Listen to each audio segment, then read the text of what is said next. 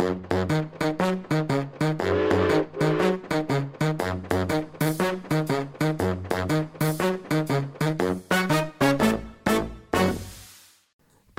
ja Boris Boatin, museumpodkastai Ekspedert. Hei og velkommen til museumspodkasten Ekspedert. Jeg heter Mathias Eilert Olsen, jobber på Vardøbaiket museum som museumskonsulent. Og i dag så er vi i Narvik, jeg og du, Bente Fanki. Ja. Ja. I dag så er vi på Narvik museum, og hva vi gjør her, Bente? ja, vi er jo skal snakke litt om noe som er veldig viktig for, et, eh, for Vardøbøyke museum. Det er jo prosjekter som vi er kjent for. Mm.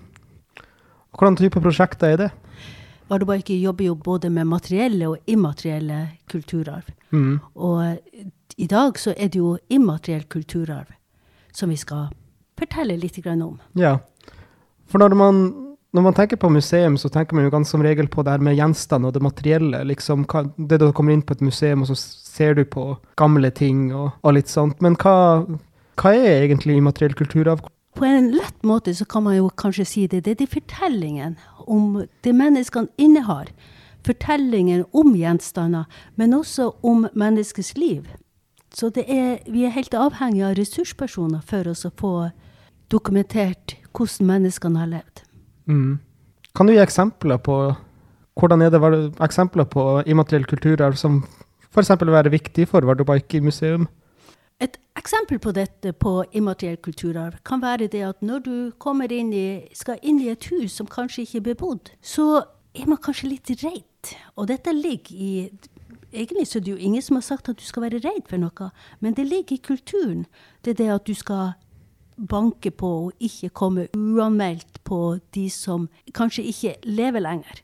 Og da banker du på døra, og åpner døra, gir dem mulighet, dem som er der inne, til å komme ut før du går sjøl inn i huset. Og da vet du at du ikke får noen overraskelser der inne. Et annet eksempel kan også være sånn som eh, hvis du skal bygge et hus på innmark, og så for å ikke få problemer seinere med kanskje vann eller lyder eller Det kan være så mangt. Så kan det være lurt å ha lagt ut kanskje noen steiner i hvert et hushjørne og legge seg der over natta. Og da får du, får du vite hvordan, om det er noen som eh, holder til under jorda. Men immateriell kulturarv er mye, mye mer. I det prosjektet som eh, jeg nå skal komme inn på, det heter eh, dokumentasjon av tradisjoner knytta til livets slutt, altså døden, blant markesamer på Storandjarga, Skålandshalvøya. Det er jo fortellingen vi er avhengig av. Fortellingen som eldre personer har om uh, tradisjoner, om ritualer, og hvordan man mestrer hverdagslivet i, når deres nære går bort. Og noen av disse rutinene, eller rutinene som er, som lever jo fremdeles videre blant befolkninga. Og noen eldre mennesker har uh, formidla dette til de nyere generasjonene, til yngre generasjoner som igjen kan følge disse tradisjonene. Vi vet jo at det er veldig viktig å få eh, dokumentert tradisjoner om eh, livet som er levd, og også livet som leves ennå. I ei tid nå som det skjer ei veldig rask utvikling. Det er veldig få eldre mennesker som dør hjemme. De fleste blir jo sendt på sykehjem eller sykehus. Og da er det ikke så lett å få folk hjem igjen for å gjennomføre de ritualene som har vært vanlige iblant befolkninga i markeområdene. Så det er jo et eksempel på et prosjekt da, som du jobber med som unngår spesifikt immateriell kulturarv. Ja. Når, du, når, du, har jobba med det prosjektet her, da, hvordan er det egentlig du har gått fram for å få For nå, nå har du snakka liksom om hensikten med det, men hva og målet ditt med det. Men hvordan, når du faktisk skal få notert ned immateriell kulturarv og faktisk få det dokumentert, hvordan i dette prosjektet, hvordan egentlig du har gått fram for å gjøre det?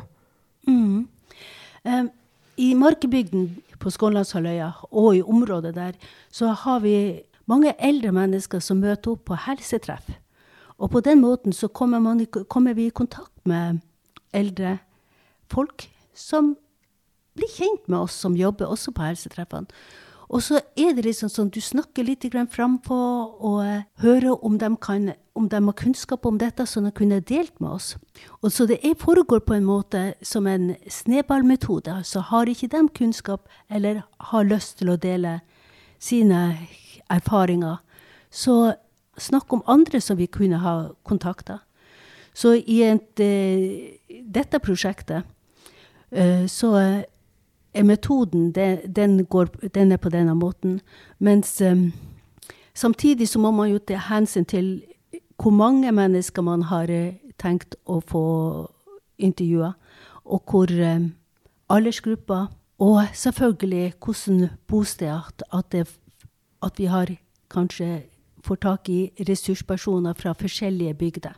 Så vi har altså, jeg har intervjua nå 18 ressurspersoner fra 39 år og til 90 år. Så uh, helsetreff er jo for, for, så vidt noe som Vardøbike arrangerer spesifikt for de eldre, hvor de skal kunne møtes og omgås hverandre. og lære, fortsatt lære litt av hverandre, men også lære noe nytt, og for så vidt også være sosiale med hverandre. Så det du sier rett og slett at det på en måte har starta liksom fra helsetreffet og, og så utvikla seg videre til at du har intervjua dem, og nå sitter igjen der med informasjon fra de intervjuene som du har gjort med dem, for å, for å vite mer om tradisjoner knytta til livets slutt, som er jo det prosjektet handler om. Mm.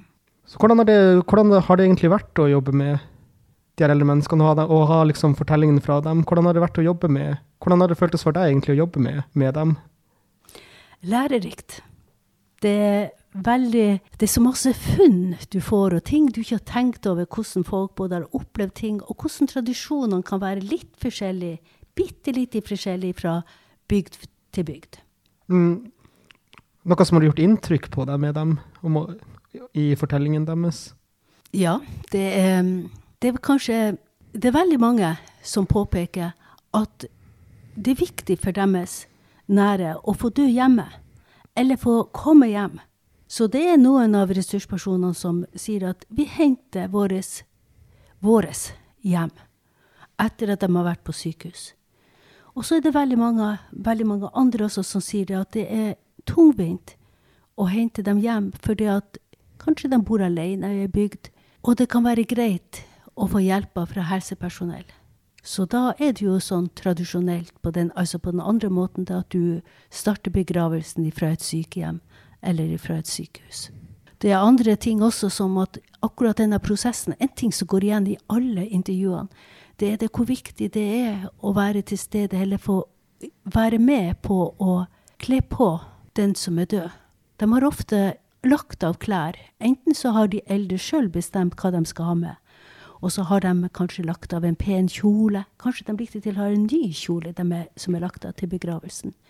Og øh, noen menn, her var det spesielt menn, som har ønska å ha gaktien på seg når de øh, blir lagt i kista. Og så har det andre kommet, hele familien sagt at ja, men den gaktien den kan jo gå til, til, ditt barnebarn. Det går den veien. Og så har de da hatt på seg dress. De For dress var også et mm. veldig fint klesplagg. Mm. Og så går det jo dette om at det kan være kaldt nede i grava. Så på føttene så har de strikka Kvinnene har strikka ullester til sine døde. Eller så har de fått tak i noen helt nye som ikke har vært brukt, ullester som de har kledd på sin, sine. Noen har golfjakke, tjukke, gode, varme klær på seg. Og så er det jo da noen som nevner at underst har de ullundertøy. Det var det ei, en informant som fortalte det, at på hennes, da hennes mann døde, så fikk hun ikke lov til å ha på ullester på, på føttene hans, fordi at det bruker for lang tid til å brytes ned. Og i dag vet vi også, har googla litt, at dress heller ikke, for det består av nylon, heller langt materiale som bryter sakte ned. Så de får ikke bruke det heller. Det høres jo for min del ut som en form for omsorg som går videre. I så fall, selv etter at folk er døde, så skal du ha en form for omsorg rundt dem. Er det for å sette, litt, for å liksom sette det sånn i perspektiv? Ja. Kanskje spesielt det med, med hvordan du får stelt og, og kledd på den døde. Men det er jo også det at i, tradisjonelt så har du jo vært med på å vaske den døde før. Og det er litt grann, det er færre og færre som bruker, som kan være deltakende på det. Noen sier at de var ikke klar over at de kunne være med. Mens andre har syntes det var veldig greit at helsepersonellet kanskje tok vaskinga, så kunne de pusle rundt og ordne den sin kjære. Pusle med håret og ordne litt sånt på øvre delen av. Mm. Og så hadde jeg ei som fortalte at uh, da hennes far døde, så skulle hun jo være med på å, å vaske han. Dette var på slutten av 70-tallet. Men hun klarte ikke det, så hun hang bare rundt halsen hans og gråt. Så hennes søster hun måtte si at du må bare gå ut herifra, for at du er ikke til noe hjelp. Så mm. det var sånt litt forskjellige sånne svar. Og så er det flere som sier at de, har, de som barn fikk lov å være til stede. De fikk gå ut og inn av det rommet som når deres eh, besteforeldre eller, eller deres Det kan godt være noen andre nære slekter som er litt lenger unna enn besteforeldre, når de ble stelt. Og menn samler seg ofte på kjøkkenet. Og det var det ei som fortalte også om at hun, hennes far ville gjerne ha på seg en sånn, sånn kasjottlue ei sånn hue som er en liten skjerm på. Og det fikk begravelsesbyrået ga beskjed om at det fikk ikke han, han, han, kunne holde den på i handa eller holde den på magen, men ikke på hodet.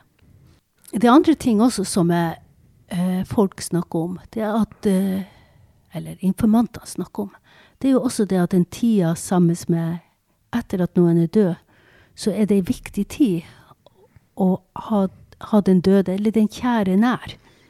Ofte før så hadde de det jo på låven. Og så starta begravelsen av på gårdstunet.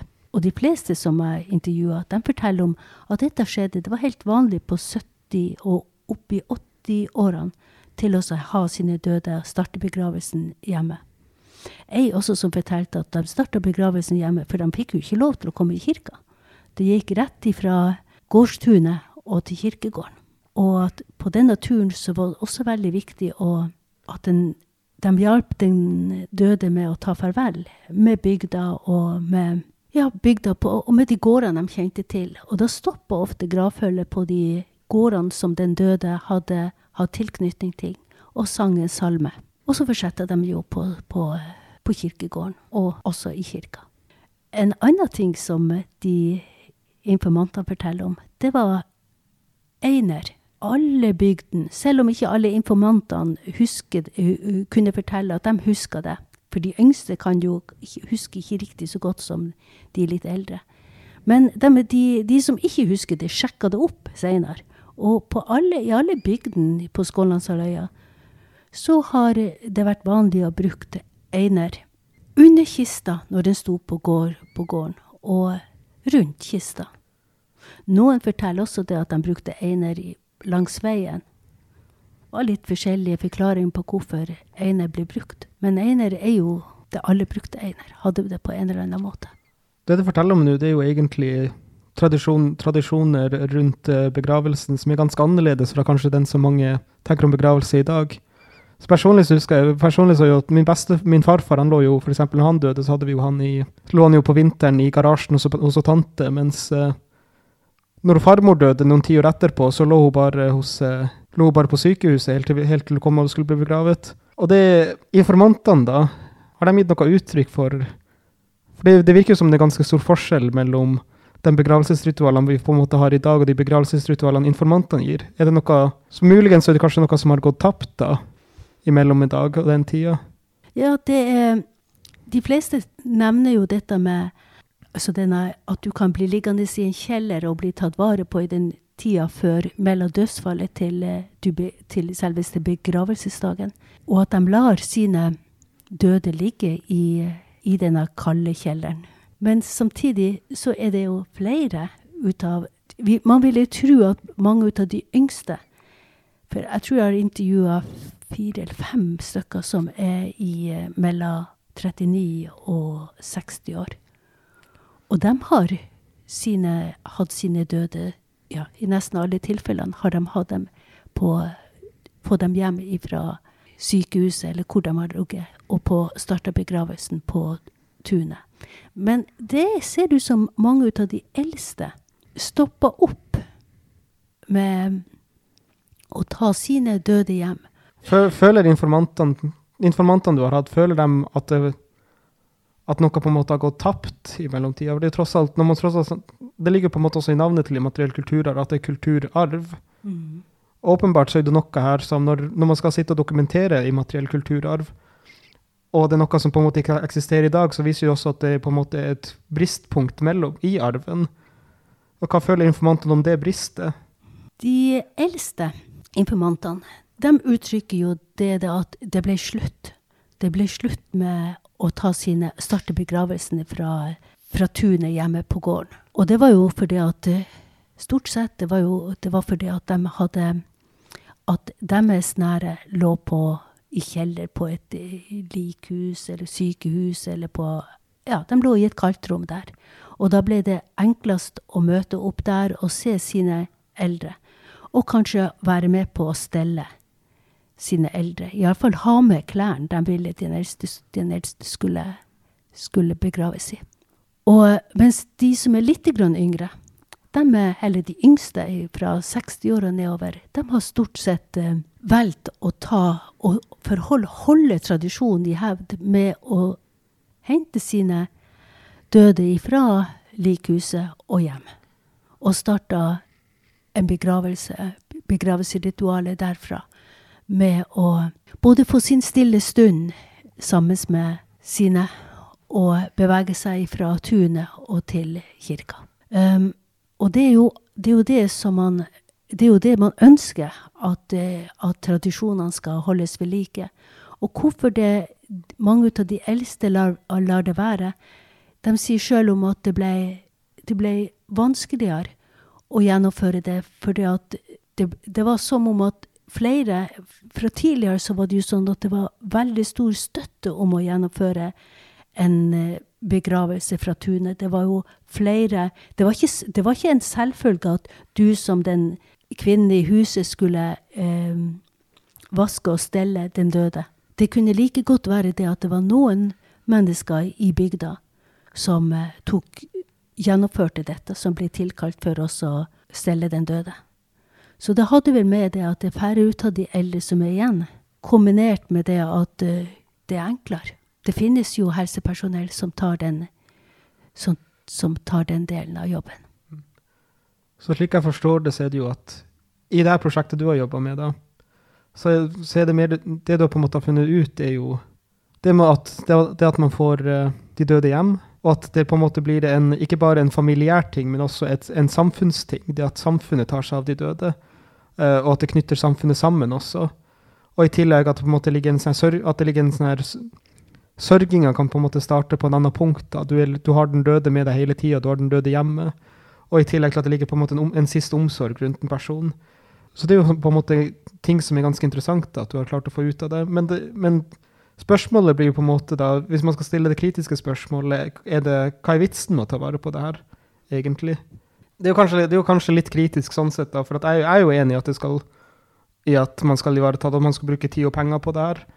Men realiteten er jo at det tar jo tid og penger. Så hva er egentlig og Når man snakker om immateriell kultur, det er jo bare et eksempel på, på et veldig spesifikt eksempel på immateriell kultur man tar vare på. Men hvorfor skal man bruke tid og energi på det her? Men hvis jeg kan på en måte svare for det, så er det på en måte at det man mister, det man mister når det kommer til immateriell kultur, for så vidt, det varierer jo fra ting til ting. da. Du kan ikke si at det er én ting som er viktig med det. Men i dette spesifikke tilfellet så er det nettopp det man går over. Det er jo at du mister samfunn. Du, mist, du mister, samfunns, du mister samfunnet rundt deg. Du mister omsorgen, du mister sørgeperioden. Det blir veldig upersonlig.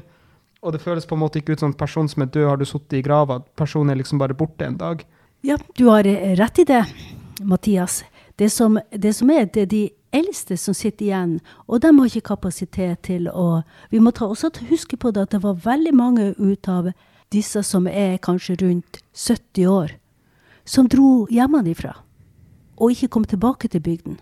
De hadde ikke kjennskap til hvordan man i Eller mange av disse har ikke kjennskap, for de kommer ikke hjem. Altså, det er jo det informantene mine sier, at ja, men jeg kommer ikke hjem til, for å kunne ta vare på Jeg fikk ikke med meg den tradisjonen. Jeg var, var til stede under begravelser mens jeg var barn, og unge. Men når jeg ble voksen, så dro jeg jo. Og når du da kom hjem for å ta vare på dine eldre, så var det ofte noen andre i bygda som gjennomførte eh, ritualene. Mm.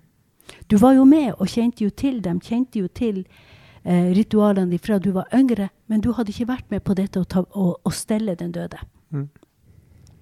Og så er det jo sånn at den, som de sier det, at tidligere så var hele samfunnet med, hele bygda. Det var, en, det var nesten et trekkplaster, det at du, du kom og var til stede og hjalp til under begravelse. Og det var jo også mer fattigdom. Det var jo ikke så enkelt. Mm. Så mens de i dag ikke sant, Begravelsene, det skjedde ikke. Altså, I dag så er det veldig sjelden eh, begravelsene starter fra tunet og ender opp tilbake i samme hus. Da har du ofte eh, gjennomføring av, av samlingsstund etter begravelsen i Markebygden på et samfunnshus, grendehus. Så der møtes man i den sorgen som er. Mens tidligere så hadde du en lang tid å være sammen med de døde. Det lå på loven. Barn og unge visste om dette her når de passerte, og var, tok hensyn til det. Det var helt vanlig at du, du bråker ikke og roper ikke rundt uh, når det ligger noen på, død på låven. Og så var det jo sånn at i denne perioden så var, var, du ikke bare forsiktig, men det var så mange ting som kunne skje da. Det kunne jo være det at, uh, at ja, kanskje en gyngestol begynte å, å bevege seg. Klokka stoppa på veggen, sier noen, når i, i, det, i, den, i det den døde dør. Så det var Du er liksom mange, Noen se, sa det som at det er akkurat som den døde er mellom er ikke, Den er ikke ennå gravlagt. Og da er ikke, er ikke ting over. Og, og, vi ser jo også det sånt at med å være til stede, som jeg nevnte hun som hang rundt halsen på faren, det var jo en sorgprosess du fikk lov å være der. Du, du er ikke i et fremmed eh, lokale. Du var hjemme i Sto ved senga der han lå, og fikk lov å og fikk gråte og fikk være til stede. Mm. Så akkurat den prosessen med kanskje å ha kista stående på låven eller i garasjen eller noe sånt, var veldig viktig.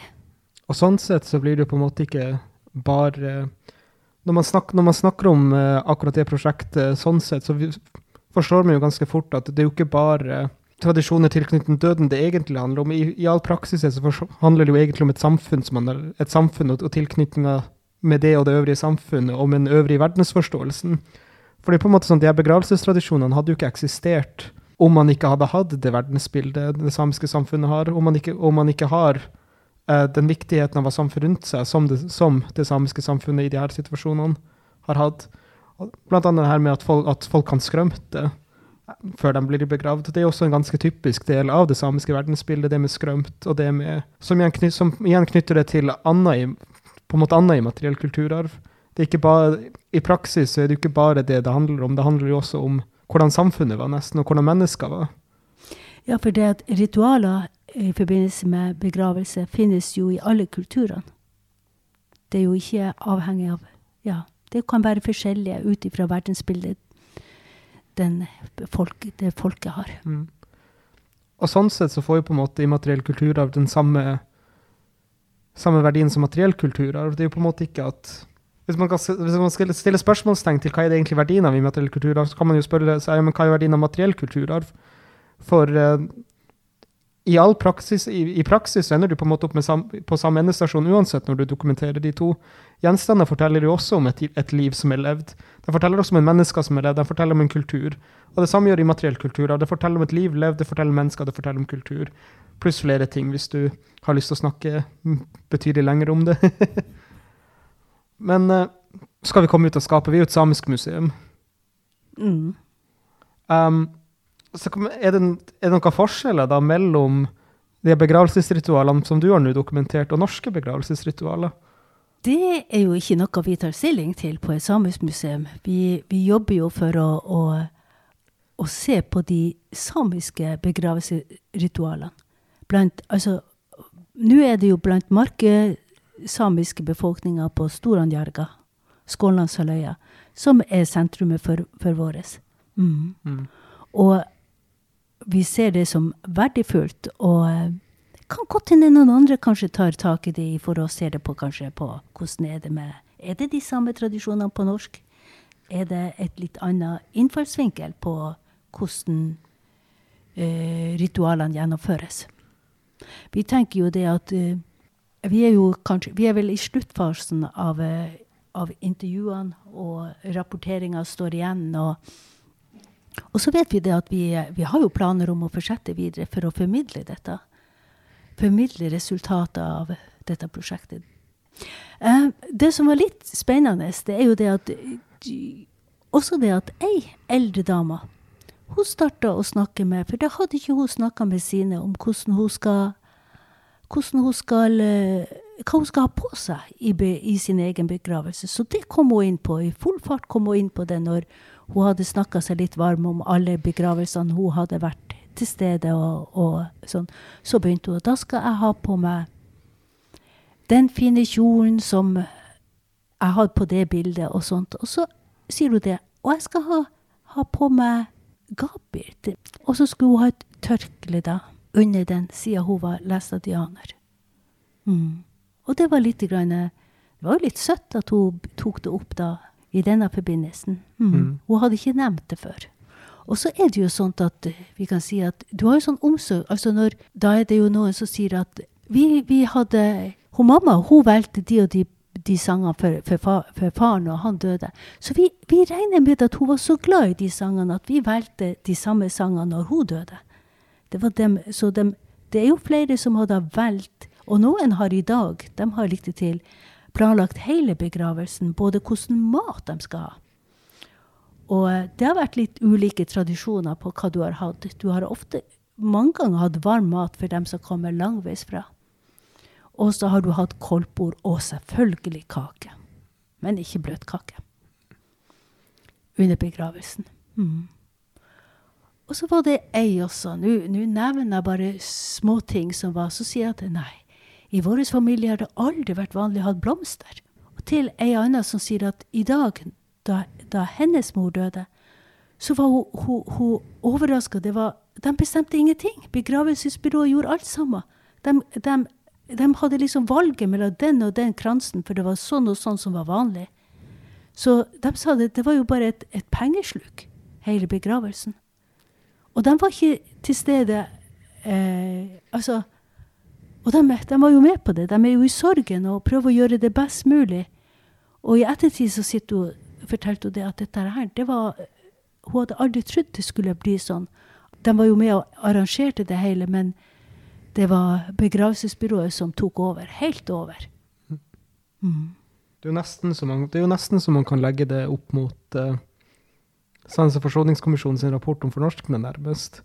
Det at uh, nå så, så, mister man på en måte ikke bare sin kulturelle identitet uh, mens man lever, men man skal også miste sin kulturelle identitet når man er død, i tillegg. Og at begravelsestradisjon at med slik begrav, begravelsene er nå, så er det sånn at du mister alle liksom, du, mist, du, mister hele din kulturelle identitet også gjennom døden. Du kan på en måte ikke planlegge hva du skal Du skal ikke planlegge din begravelse, du kan ikke planlegge hva, hvem du er når du er død. Du kan ikke planlegge, du kan ikke planlegge hvor, hvor, hvem du skal være i dødsriket engang, fordi at det er begravelsesbyrået som planlegger det. Så det blir jo det blir jo nesten som for, det blir jo litt som fornorskning i døden også. Og kanskje vi kan, med å fokusere litt på, det, på tradisjoner som jeg kan være med på å gjøre folk oppmerksom på det. Mm. Mm. Og gi oss muligheten til å ha ullester på når vi er døde. Ja. Sånn at ikke vi fryser. Høres bra ut. Eh, vi, må, vi, må, nevne også hvordan får vi penger til eh, et, disse prosjektene. Ja, vi søker jo om prosjektmidler, hovedsakelig. Mm. Og da har vi jo de forskjellige aktører som vi må søke om. Hvem, jeg vet jo Sametinget er jo ganske vanlig for oss å søke hos. Ja, Sametinget som har gitt midler til, ja. til dette prosjektet. Så det er ikke driftsmidler det her går på, det er ren, ren tilskudd for å jobbe med nettopp det prosjektet. Og vi blir jo ganske ofte Jeg vet ikke om vi skal nevne mm. Økonomi som vi blir jo ganske ofte underfinansiert på det prosjektet. Ditt prosjekt er jo bl.a. underfinansiert om, eh, om uh, dødsritualene. Ja. Og det er jo derfor vi er nødt til Vi hadde jo vi hadde muligheten til å ha ei som har forska veldig mye på samisk helse, til å være med i prosjektet. For å snakke om, om den delen. Og vi fikk ikke midler. Nei. Men vi tror jo kanskje det at vi kan få fortsette med under formidlinga, kan vi få jobba litt videre for oss å få sett på det helsefaglige. Mm. For rett og slett så var jo prosjektet det at originalt så skulle det være både innsamling, altså intervjudel, og formidling, men nå er det sånn at formidling må være et eget prosjekt. Mm. Som er kanskje derfor vi ikke har helt landa i mål om hvordan det egentlig skal formidles. Mm. Men også de prosjektene som vi jobber med på Vardobaiki, det er, det er seriøse prosjekt. Så de på den måten at vi både lager samtyk, samtykkeerklæring og, og intervjuguide som eh, informantene blir, får lest igjennom. Og, og, så tar vi vare på det. Så dette her blir lagra på Vardobaiki. Museet på Vardobaiki. Og så får vi jo da, da lov til å bruke deler av intervjuet, eller altså bruke deler av intervjuet som et uh, under formidlinga. Mm. Mm. Og etikk er jo også noe man hele tida må ha med seg når man er i, i de prosjektene. Særlig som et samisk museum, og særlig når man jobber veldig mye med immateriell kulturarv. Så er det veldig mye av eh, den måte immaterielle kulturarven som eksisterer i det samiske samfunnet, som er veldig sårt for mange. Og dermed så er også det etiske veldig viktig. Det er også derfor at det er veldig viktig for oss at alt det her blir gjort riktig, at, de, at alle de som blir intervjua, de har en, er, har en, erklær, en, ordentlig kontrakt på det, en ordentlig er, erklæring, det blir lagra riktig, og at, man, og at, tilgangen til intervjuene også er begrensa til på en måte at, at, folk skal, at, folk som ikke trenger de intervjuene, heller ikke har tilgang på det. Sånn at denne informasjonen forblir uh, Ja. Mm. Vi lagrer det vi tar godt vare på, mm. på, dette. Og hvis det er noen som vil drive forskning på det, så må de ha tillatelse fra informantene igjen. Mm. Og det er jo så klart veldig bra, for det, historisk sett så har det ikke alltid vært slik at, at det blir gjort, for å si det sånn. Men einer i, einer i eh, begravelsesritualene, hvorfor einer? Um, informantene svarer litt forskjellig på det. Noen vet jo selvfølgelig altså si bare, Det var jo bare sånn det var. Og andre nevner dette som med Einer at den hadde Alt ifra at den hadde religiøs betydning. Det har riktig vært noen som har nevnt det korset som er på Einer. Og andre igjen har snakka om ja, altså det, at det skal kunne stoppe hvis du la Einer både under, så holdt du ånder fra dødsriket unna. Noen sier at det ble lagt Einer foran andre nedkjørsler, altså fra tunet, når du, at du setter det sånn så at når de døde ble henta til dødsriket, så ville ikke dem som henta de døde, eh, gå feil. Så det kunne også være en beskyttelse mot, eh, beskyttelse mot at ikke flere døde. Og det er vel den som de fleste har nevnt som en forklaring. Hva er det informantene føler om at uh, der arbeidet rundt begravelsene blir overført til helsevesenet? det, nest, det ser liksom ut at det deler seg i to. Du jeg nevnte at vi har informanter fra 39 år og opp til 90. Og kanskje en tredjedel er under 60 år. Og dem, de yngste, eh, kan være litt Altså noen klarer å, altså er ganske bevisst på dette her nå, at de vil gjerne ha sine eldre hjem. Og for å gjennomføre ritualer, altså fra gårdstuen. Mens de som er aller eldst, de ser ut, høres ut som dem at ja, både altså, Det er nå bare sånn det er. Men også det at ja, men det er jo greit. Er jo, noen må jo stelle dem. Altså de, nesten som om at de bare aksepterer det. Men, men, vi ser jo det som at det er veldig viktig at uh, Eller i, på samisk museum, og når vi jobber for det samiske, så ønsker vi jo Når vi jobber for det samiske, så ønsker vi jo det at dette skal bli en, en eh, Resultatet av, av, dette prosjektet skal bli en, en eh, litt sånn opplysning til at, at ikke kanskje At ikke man uten å tenke over det bare lar helsevesenet, det norske helsevesenet overta viktige ritu ritualer. For vi ser jo også det med, blant de gamle når de har snakka om dette, om uh, hvor viktig den sorgprosessen er som foregår hjemme. Det er riktig til ei som sa det at nei, aldri Hun var kanskje ja, i slutten av 60-årene sa at aldri skal mine nære bli, uh, bli værende på, på, på ukjent område. Så de skal hjem. Og hjem er her. Så du har en litt uh, Ja. Mm. Vi håper jo selvfølgelig det at de skal se hvor viktig det er å, for hele familien, den sosiale biten med å være sammen om om å stelle for, selv om du tar, lar helsevesenet eh, ta deler av vaskinga.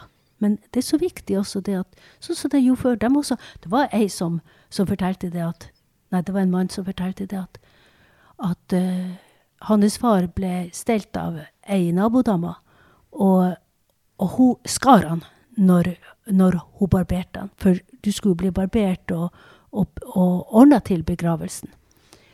Så da ble det sånn at hun fikk ikke stelle han mer. Det var andre folk. Det var et tegn på at han ikke ville hun skulle stelle han. Den døde ikke ville hun skulle, stelle han. Mm. Så det, det, er akkurat som du lever Du er en del ut av samfunnet, selv om du er gjort klar for dødsriket. Ja, tusen takk, for, Bente, for at, uh, si at du kom hit, men jeg har jo også kommet hit. Uh, for at vi kom hit. Tusen takk for at vi kom hit for å snakke om uh, ditt prosjekt. Og for å gi oss en lite innblikk i Vardøbekk sitt arbeid med immateriell kulturarv. Og tusen takk til alle dere som har lyttet til oss. Uh, så gjør jeg bare litt sånn samisk exit. Ha det bra. OK. Hiv oss. Hiv oss.